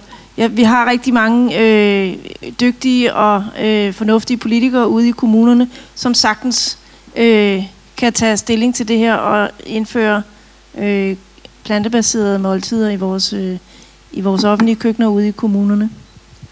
Yes, øh, så går vi til næste spørgsmål fra salen her. Værsgo. Jeg hedder Britta, og øh, jeg synes, jeg hører alle paneldeltagerne sådan ligesom køre ud af den samme tangent, som er noget med klima, klimavenligt. Der skal være skat på kød, det skal være miljøpåvirkning og forbrugsvaner osv. Jeg savner lidt en helt anden tankegang på nogle ting. Øhm, selv blev jeg vegetar for over 20 år siden, det kan også være det over 25 år siden. Jeg tog beslutningen, fordi jeg simpelthen ikke ville støtte den måde, vi behandler dyrene på. Og jeg har igen og igen og igen tænkt, hvem i alverden kunne opfinde den måde, vi, fandt, vi behandler dyrene på. Og hvordan kunne det gå hen og blive mainstream accepteret? Er vi slet ikke klar over, hvad det er, vi gør? Hvordan kan vi lukke øjnene for det? Jeg forstår det simpelthen ikke. Og for mange år siden, så synes jeg, der var noget med, at det kom frem, at nu blev buræg forbudt. Så gik der et par år, så var det vist alligevel ikke forbudt, og du kan stadigvæk købe dem. Altså, hvad er det, vi gør? Det er sådan generelt. Jeg ved ikke, hvem der skal svare. Jeg tror, Karl markerede først, og så kan vi Lars få den bagefter. Tak for det spørgsmål, Britta. Okay, me- meget korte svar for alle sammen, selvom ja. det er et vigtigt emne. Yes. Ja, det er, øh, det er svært at, at sammenfatte sine tanker om dyreetik på så kort tid, fordi jeg tror, at nu blev jeg også selv veganer på grund af dyreetik, og øh, det er noget, der fylder rigtig, rigtig meget i ens hoved, når man går igennem den proces. Jeg synes, det er, det er helt vanvittigt, det forhold, vi som menneskehed har til andre levende væsener, og hvordan vi tillader os at behandle dem. Og det er også derfor, jeg mener, at vi helt grundlæggende skal gå væk fra den animalske produktion, så meget vi overhovedet kan. Fordi jeg synes ikke, at vi kan retfærdiggøre, at Øh, behandle et levende, følende væsen på den måde, som man gør i produktionen i dag, udelukkende med det argument, at, at det smager godt. Det synes jeg bare ikke. Altså, så jeg er fuldstændig enig med dig. Øh, dyreetik burde fylde langt med i den her debat, men det er desværre ikke noget, der, der fylder særlig meget, så jeg tror, vi har brug for nogen på Christiansborg, der, der tør at tale det op også. Vi skal nok få den Lars og Øjvind, og så dig. Jeg følger lige dem, der har hånden op først. Ja. Og og der er gentleman her. Du får ordet, Sofie. Jeg vil bare lige sige kort, at det, jeg synes, det er et rigtig godt spørgsmål, fordi at ligesom vi, vi diskuterer, hvordan vi, øh, vi driver rovdrift på naturen og på miljøet, så skal vi også diskutere, hvordan vi driver rovdrift på vores dyr. Og det er også derfor, vi i Alternativet vil øh, omlægge vores landbrug til, til, økolog, til økologi og, og gå over til plantebaseret. Øh, samtidig så ser vi markant stigning af grise, der dør hver eneste dag. Og, øh, og, vi, og vi glemmer nogle gange, hvad det er, vi, vi, øh, hvad det er for et miljø, de her øh, dyr de er i. Og øh, faktisk så er grise mere intelligente øh, end hunde. Så det, det, det er dybt, dybt, dybt kritisabelt, øh, de forhold, de er under. Øh, Lars? Jamen, vi er også meget optaget hjemme hos os, at vi spiser jo kød. Det vil jo ikke sidde og sige, at vi ikke gør det, det gør vi. Og øh, vi er meget optaget af, hvordan det er produceret, hvor det kommer fra, om det er nogen, der er gået frit ude. Vi er meget optaget af de der æg, som vi også køber, at vi finder de er både økologiske og fritgående osv. Men selvom vi, vi lægger mærke til det, så har jeg jo nogle gange sådan en mistanke omkring, hvad er det så egentlig, det betyder? Altså, hvor meget har de så været ude og gå, og hvor meget plads har de? Så der synes jeg godt, man kan gå ind og kigge på, jamen, sådan så vi som forbruger kan være helt sikre på, at når der står fritgående, eller hvad når der står dyrevelfærd, vi så er helt sikre på, at der er nogle kriterier, der ligger til, ligger, ligger til grund for det, og dyrene rent faktisk har haft det øh, rimeligt. Øh, jeg har også øh, de der fabrikker, du taler om, hvor, hvor, dyrene bliver, bliver slagtet, og vi har alle sammen måske set de der film, og det er jo sådan gruopvækkende. Altså det er selvfølgelig vigtigt, at dyrene bliver behandlet ordentligt, også til det, i virkeligheden til det sidste punkt. Øh, fordi uanset om vi begynder at lægge om til en øh, plantebaseret kost, vil der stadigvæk være folk, der spiser kød. Det er selvfølgelig vigtigt, at dyrene bliver behandlet øh, så godt som, som det nu er muligt, øh, givet at de jo rent faktisk skal dø til sidst, fordi der er nogen, der sætter tænderne i dem øh, i en sidste instans. Øjvind? Det er jo meget relevant også at tage den dyre etiske vinkel op. Nu er emnet for debatten jo nemlig den klimavenlige kost. Men, øh, men det er jo klart, at øh, vi skal jo også behandle dyrene ordentligt. Øh, lad mig tage den endnu længere ud, fordi øh, 62 procent af Danmarks areal, det bliver brugt til landbrugsproduktion. Halvdelen af det går til at producere mad til dyr, altså som vi skal spise hvis vi er lidt smartere og spise mindre dyr, så behøver vi ikke tage deres levesteder, for det, der ser, det er jo det, der er årsagen til biodiversitetskrisen, at, øh, at der ikke er levesteder til dyr og planter mere. Vi har øh, 2.262 øh, troede dyr og plantearter i Danmark. Af dem, øh, det er de rødlistede, af dem er 369 arter kritisk troede, og det er fordi, de mangler levesteder. Så det er ikke kun de dyr, der er fanget i en svinetransport og bliver transporteret ned gennem Europa, der lider. Det er sådan set alle de dyr, øh, som skulle have deres levested i Danmark, og for den sags skyld i resten af verden, hvor det er øh, næsten lige så slemt til som i Danmark. Øh, Anne? Ja. Men, øh, tak for spørgsmålet. Jeg synes, øh, det er relevant at have det ind i den her sammenhæng ganske kort. Øh, så synes jeg jo, at øh, vi skal sætte mere på økologi. Det giver sig selv. Øh, så har vi lige haft et EU-valg, som heldigvis faldt ret rødt og grønt ud, og det tror jeg godt, fordi øh, rigtig mange af de her ting kan vi løse i en EU-sammenhæng. Øh, og så vil jeg sige, altså øh, det her med, at vi på en eller anden måde får koblet øh, produktion øh, til forbrug, øh, og, og til, i en geografisk sammenhæng, det tror jeg betyder noget. Altså, at vi køber flere ting lokalt, det gør også, at vi skal forholde os lidt mere til, hvad er det for nogle produktionsvilkår, som for blandt andet øh, de, de, de øh, grise og køer og alle mulige andre, som man så øh, i sidste ende køber, øh, har, har haft. Det tror jeg på en eller anden måde øh, giver noget mere sammenhæng, og det er jo også bedre for CO2-regnskabet. Og for nu af kommer vi til at køre det sådan, at øh, et spørgsmål, I retter det til en person heroppe, og hvis der så er nogle andre, der virkelig gerne vil svare på det, så må I lige svare dobbelt på det næste gang, I får stillet et spørgsmål. Alright, øh, hvad hedder det? Du har haft hånden op noget tid hernede. God aften. Tak for jeres fremlægning, alle sammen. En, en ting, der ligesom er vendt tilbage her, det har været afgifter på, på fly og på kød og så videre. En anden vej at gå, det er jo på tilskud. Hvad er jeres holdning til at fjerne tilskud til for eksempel øh, landbrug? Øh, gå efter EU-støtten, og så prøve at se, hvad vil det gøre ved vores produktion? Hvad vil det gøre ved forbrugerne? Og samtidig også nu på, på fly, ikke for at gøre spørgsmålet for stort, men hvad hvis man går ind og giver tilskud til, til elbiler, tilskud til solceller, tilskud til de forskellige energiformer? Hvem vil du gerne stille det til? Ja, den var jo svær. Jeg vil gerne stille den her til øh, Alternativet, og jeg vil også gerne have de konservative med indover. Og, og, og kort, ganske korte svar.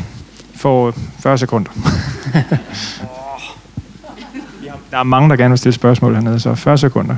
Ja, Sofie. Ja, jeg synes, det var et rigtig godt spørgsmål. Øhm, I Alternativet der er vi øh, tilhængere af, at, øh, at man skal have et grønt tilskud, øh, hvis man går i en bæredygtig retning. Det vil sige, at landbruget skal have et, grønt tilskud.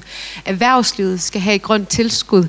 Øhm, så, så det bliver mere fordelagtigt at omlægge til, øh, til et bæredygtigt øh, landbrug og omlægge øh, hvad skal man sige, virksomheder til at, til at indtænke øh, bæredygtighed. Var det svar? Nej, det var ikke spørgsmål. Spørgsmålet er, om man skal fjerne landbrugsstøtten. Og simpelthen, øh, spørgsmålet går på at fjerne den landbrugsstøtte, du får i dag, hvor du kan lade jorden ligge brak, og du i sidste ende kan tjene penge for ikke at producere det, som, som, som producenterne de gerne vil have. Altså, om man kunne gentænke hele den måde at gøre det på, sådan at forbrugerne de har større magt. Men, men det jeg hører dig sige, er, at du vil egentlig godt fastholde en landbrugsstøtte, men ja. målret den til det grønne. Ja. Det tror jeg var dit svar på spørgsmålet, hvis jeg hørte det rigtigt. Yes. Øh, Lars? Ja. Ja, lad mig lige starte fra den ende af her. Øh, du, du, tog, du tog ikke flyene, vel? Tog du flyene også? Lad mig tage flyene. Øh, lige nu bliver der diskuteret, hvordan vi skal lave afgifter på flyrejser. Og øh, der er der mange, der gerne vil lægge en afgift på selve rejsen. Det vil sige, det er en rejse, som, som vi ligesom køber. Hvis man nu tænker sig, at vi i stedet for øh, laver afgift på, øh, på brændstoffet, så var det faktisk lige pludselig en øh, omkostning for flyselskaber, som de kunne påvirke ved at ændre på de øh, fly, de køber, og flyproducenterne ved at gå ind og ændre på de øh, måder, de arbejder med, med maskinerne på, så øh, deres motorer på. Så derfor tænker vi faktisk i det konservative folkeparti, at skal vi lægge en afgift, så måske bedre lægge en afgift på flybrændstof. Der var vi inde og kigge på, øh, der er sådan en Chicago-konvention, det kan man faktisk gøre. Man kan ikke lægge afgifter på benzin i transit, men hver gang der bliver tanket, øh, lokalt i Europa, kunne vi med vores europæiske venner faktisk godt lave en afgift på flybrændstof. Og, og hvordan vil du så gøre det i land? Hvad ikke, hvad er sammenhæng så i forhold til landbrugsspørgsmål? Ja, der var to spørgsmål. Der var det omkring fly.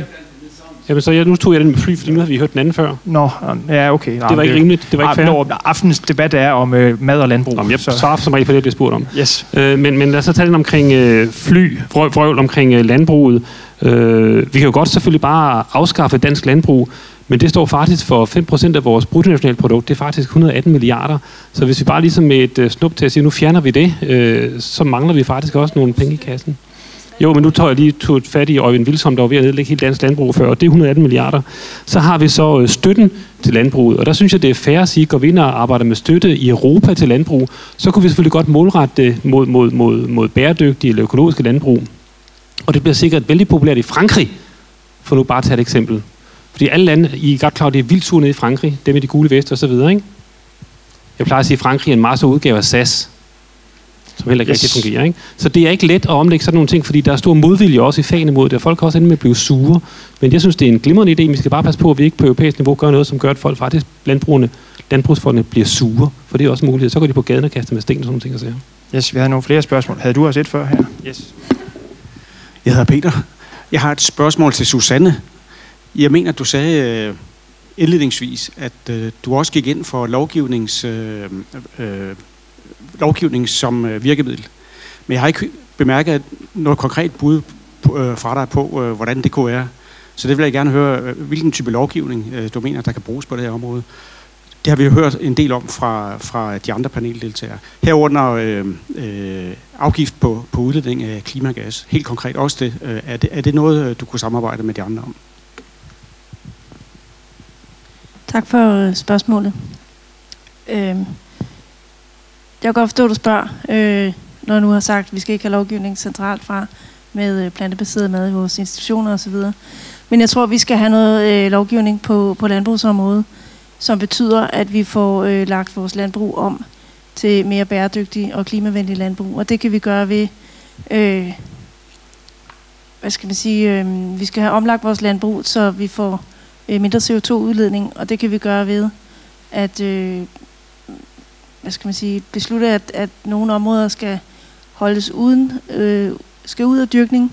Øh, vi skal have øh, randzoner på, på vandløb og åer. Øh, vi skal have, øh, ja, det er selvfølgelig ikke, jeg er ikke så meget lovgivningsvejen, men også meget gerne øh, tilskynde til, at landbrugene lægger om.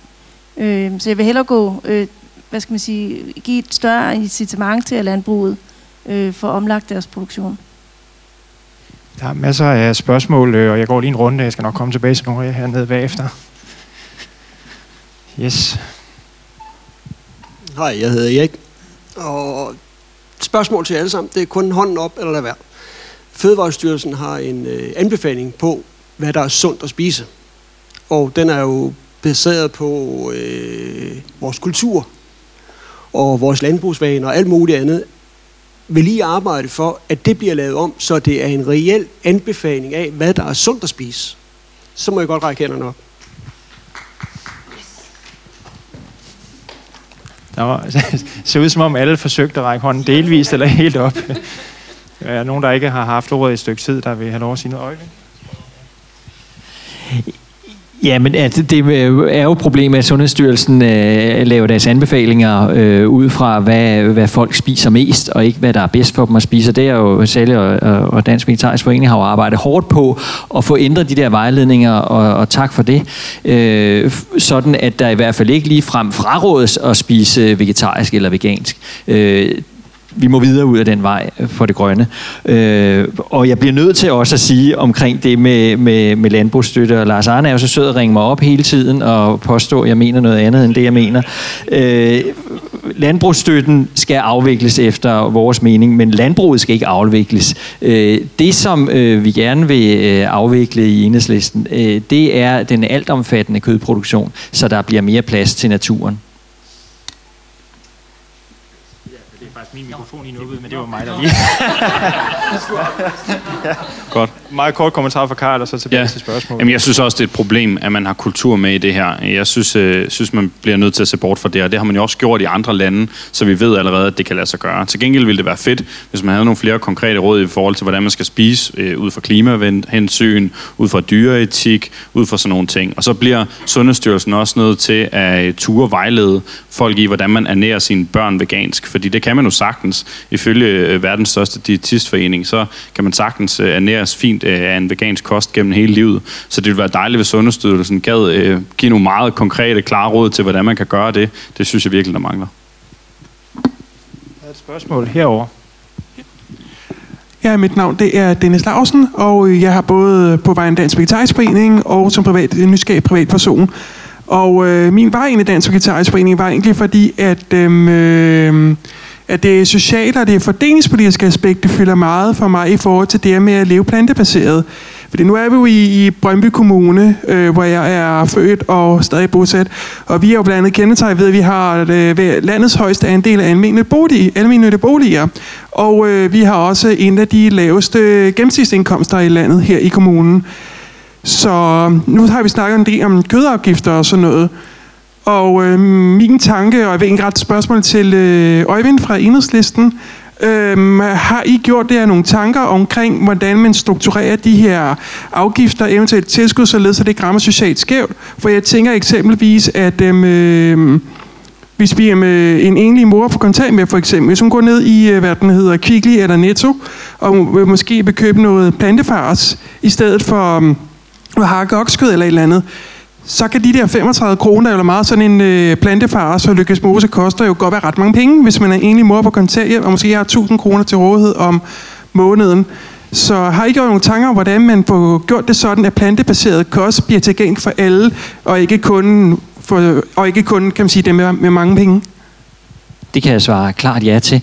Øh, det er jo først og fremmest udgangspunktet for vores klimaplan, at vi sikrer, at det er socialt retfærdigt. Og når vi så øh, taler kost, øh, så kan jeg jo også sige, at øh, vi arbejder faktisk ikke bare på at få nedsat momsen øh, på økologisk frugt og grønt, vi arbejder faktisk på at fjerne den helt. Vi vil nemlig ikke arbejde med, med flere momssatser, øh, så det er enten moms eller ikke moms. Så det vi arbejder på er at få fjernet momsen, og, og, og nu taler vi særligt på det økologiske.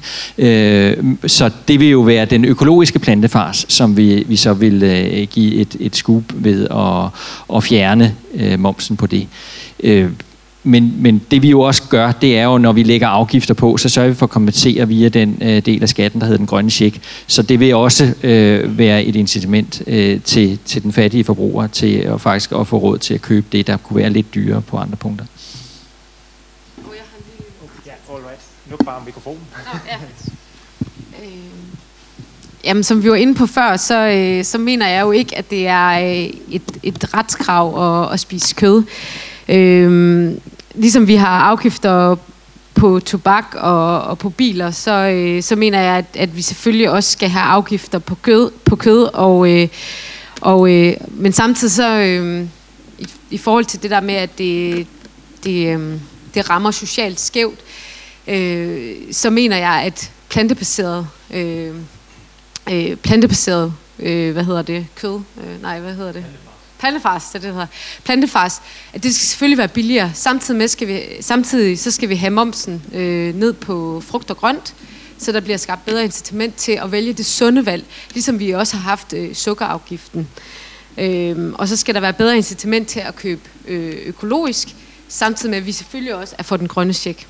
Så det er noget af det, vi vil i Alternativet, men vi mener helt klart, at vi skal have en afgift, og det, øh, og det kan ikke gå hurtigt nok. Flere opfølgende kommentarer kan jeg se, men så ultrakort fra både øh, fra først, hvad hedder det, Karl og så fra Lars, og så skal vi have flere spørgsmål.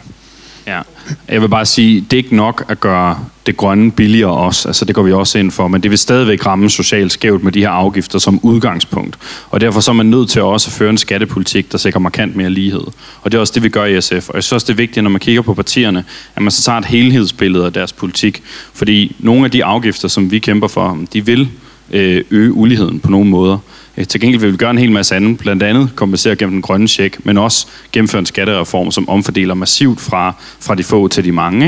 Ikke? Øhm, Så samlet set, hvis man stemmer på SF, så får man et mere lige samfund, og et samfund, hvor at det bliver lettere at vælge det grønne til, og hvor vi får mindsket vores kødforbrug. Yes, Lars, hvad siger du til det her med? Jamen, er jeg den eneste her, der er ansat i den private sektor? Og det er bare sådan et spørgsmål. Altså, jeg er, er erhvervsmand, person hedder det vel efterhånden snart, ikke? Og, øh, og jeg er da vant til at kigge på de muligheder, der er i samfundet. Og øh, de folk, der er kommet med det her pipfri og plantefars, de har da rykket for vildt.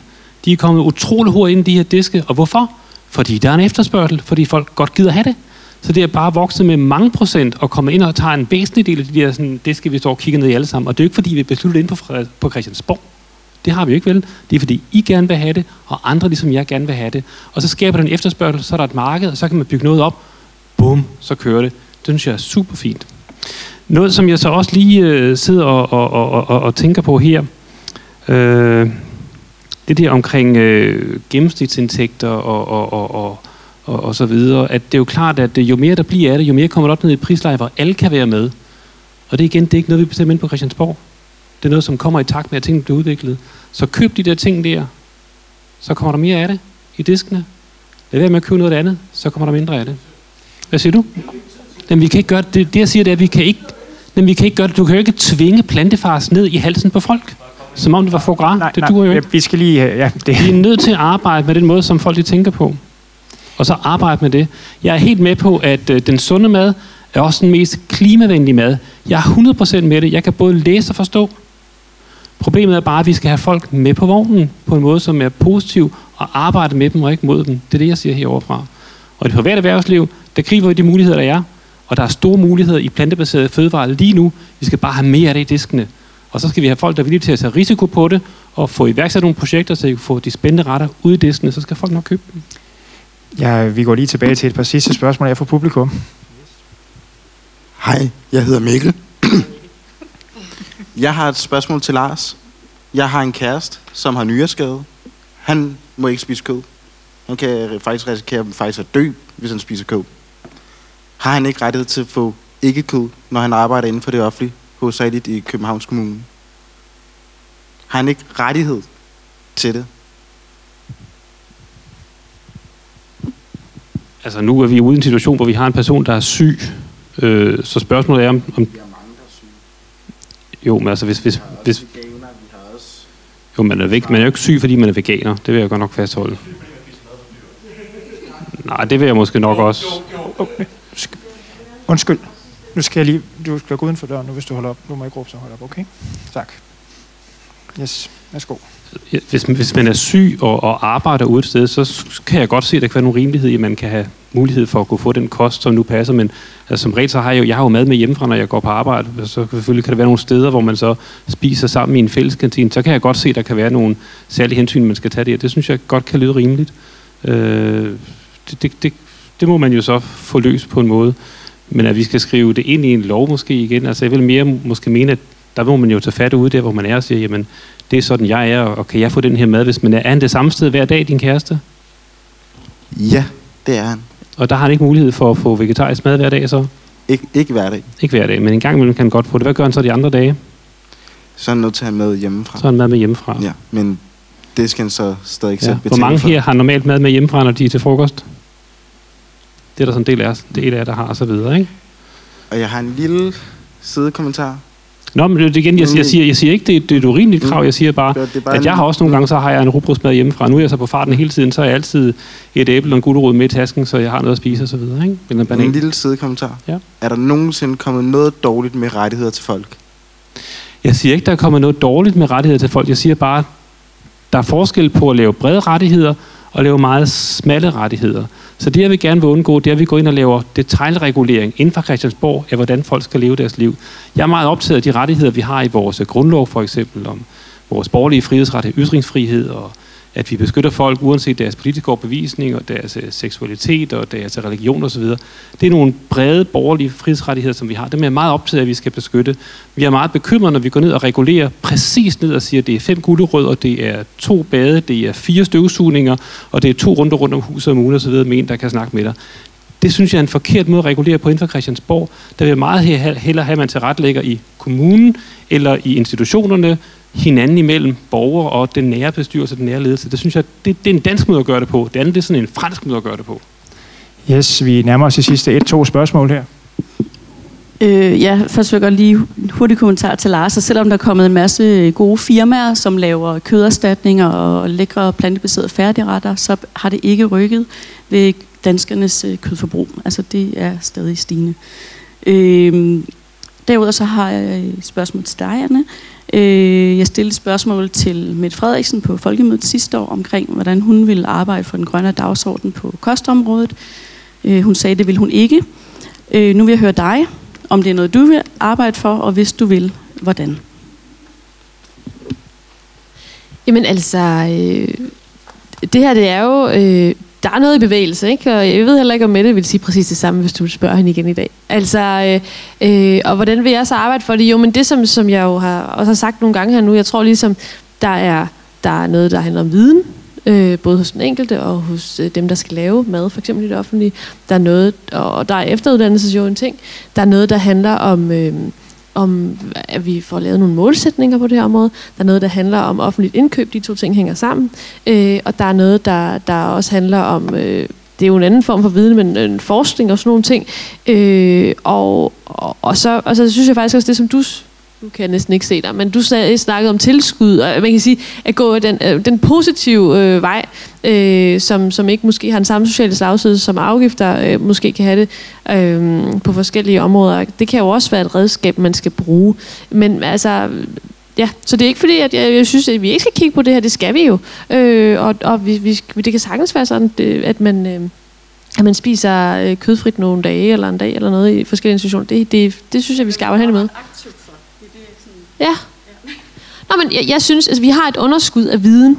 Øh, det har vi. Øh, derfor så har vi også sagt, at vi skal have øh, sådan madforståelse på, på skoleskemaet i, i, i større grad.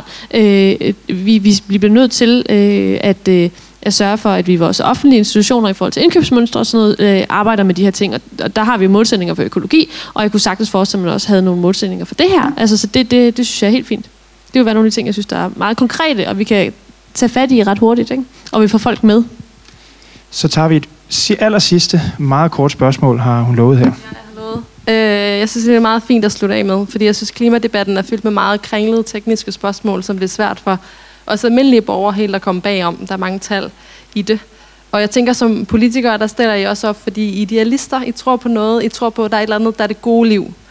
Øh, så det her spørgsmål er egentlig lidt bredt, og jeg håber, I vil finde jeres indre idealist, utopist frem. Hvad er det, hvad, er det, hvad for et liv er det, vi skal se frem til, øh, når vi kommer efter krisen? Og jeg ved ikke, om der er en, der bare vil gribe den, der har, det er det her, jeg kæmper for, det er det her, vi, det er sådan her, vi skal leve, det er sådan her, vi skal have det godt. Ja. Og, det, og vi, klokken er 20.30 nu, så det må blive korte svar, hvis I skal nå lige at svare på det. Nogle af jer i hvert fald. Hvad, Karl var hurtigt ud, tror jeg, med hånden. Ja, det er et stort spørgsmål, ikke? Skal vi holde os til plantebaseret mad inden for visionerne? Ja, okay. Altså, jeg, jeg drømmer om en verden, hvor at vi ikke bruger dyr til kommercielle formål, eller til at spise dem, eller øh, hvad vi ellers kunne finde på. Der er rigtig, rigtig langt øh, derhen. Men jeg tror sådan set på, at vi som menneskehed godt kan nå til et sted på lang sigt, hvor vi lever langt mere i pagt med naturen, end vi gør i dag. Vi, vi kan jo se, at vi ikke har behov for at spise de her dyr og produkter fra dyr. Og øh, der er flere og flere, der, der får den erkendelse. Og øh, jeg er helt overbevist om, at en verden, hvor man ikke indtager animalske produkter overhovedet, og hvor dyr har fået tildelt rettigheder, øh, vil være en, en markant øh, bedre verden på rigtig mange områder. Rigtig mange områder. Altså bare det, at man vil kunne tage de enorme landbrugsarealer ud af produktionen og have vild natur i stedet for, vil være en kæmpe omstilling af vores verden. Øh, men der, der er rigtig, rigtig langt derhen, øh, men det, det er det, der det er det, der motiverer mig. Altså et, et grundlæggende anderledes syn på dyr, og hvordan vi tillader os at behandle dem. Øh, det, det er det, jeg kæmper for. Øh.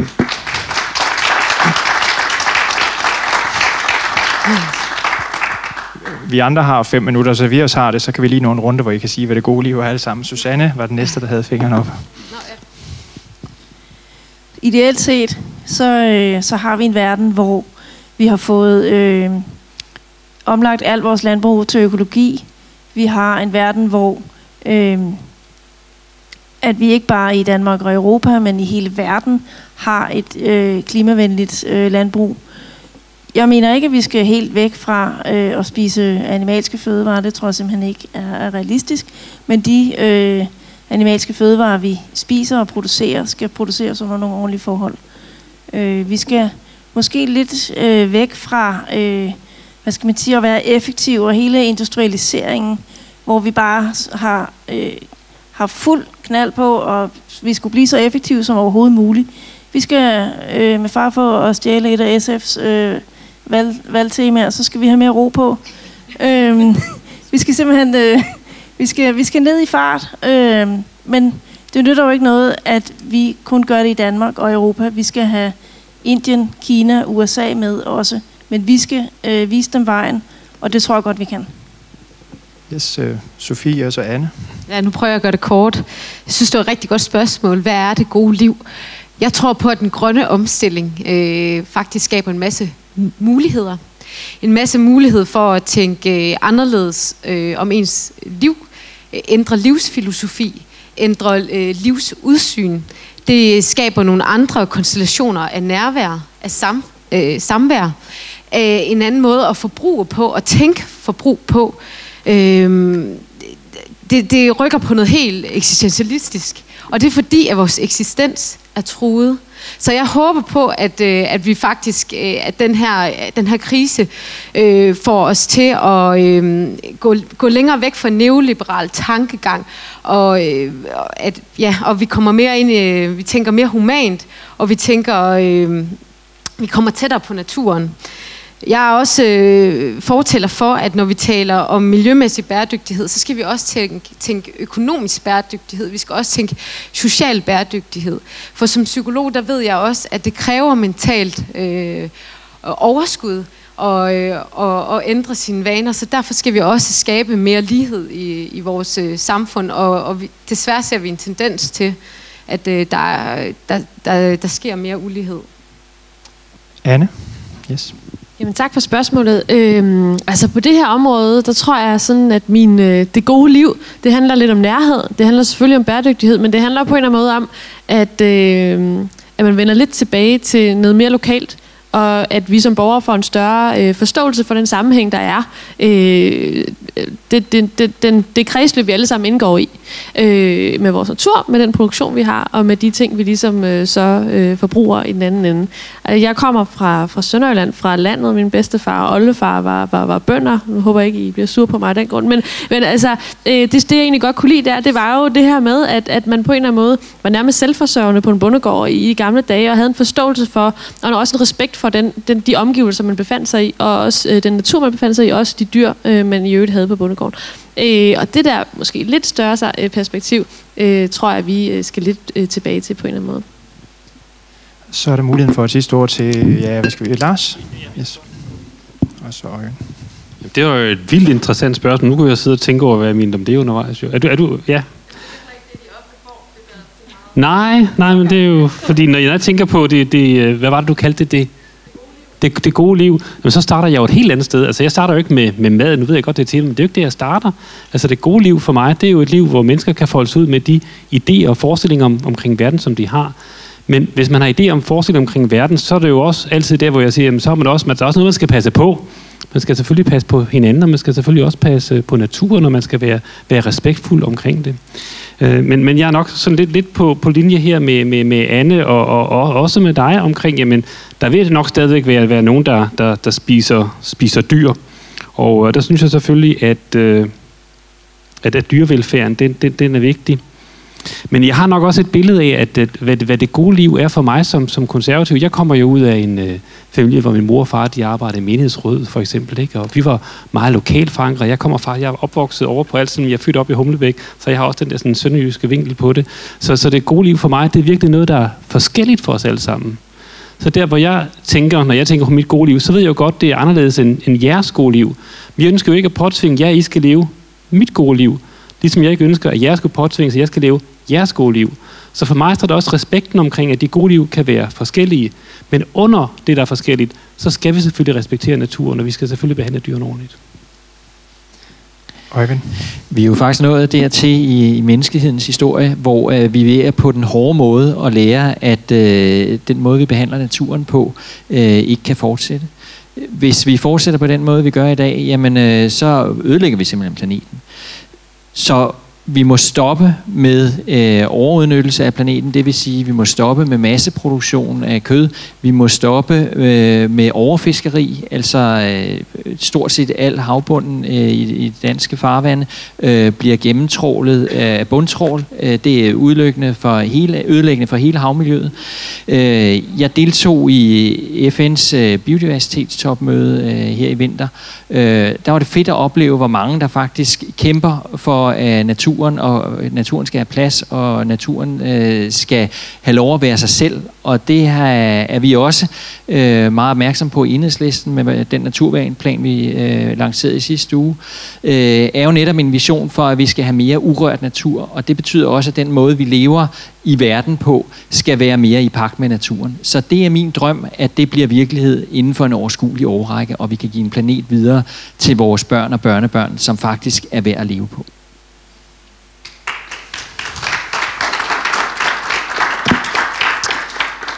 Og med de ord, det blev så det sidste ord i aftens øh, debat. Øh, jeg vil gerne henvende mig til jer, der sidder med her, og jer, der kigger med derude.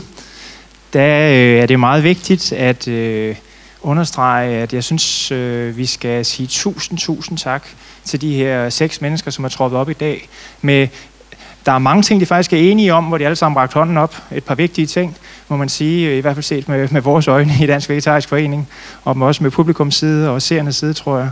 Men øh, derudover så er der også nogle uenigheder, men, men bemærk, hvordan de her mennesker har valgt at bruge tid på at dukke op her i aften og fortælle om det her, debattere det her på en rimelig sober måde, indimellem et par stikpiller, men, øh, men det synes jeg er vigtigt, at vi skal tage med ud, så, så husk det alle sammen, som, som ser, sidder her i aften, og ser med derude, at der er faktisk en masse mennesker her, som tager det her emne rigtig alvorligt, og med forskellige nuancer gerne vil arbejde for, at vi får noget grønnere mad på tallerkenen i fremtiden. Giv en stor hånd til alle seks. Tusind, tusind tak, fordi I kom.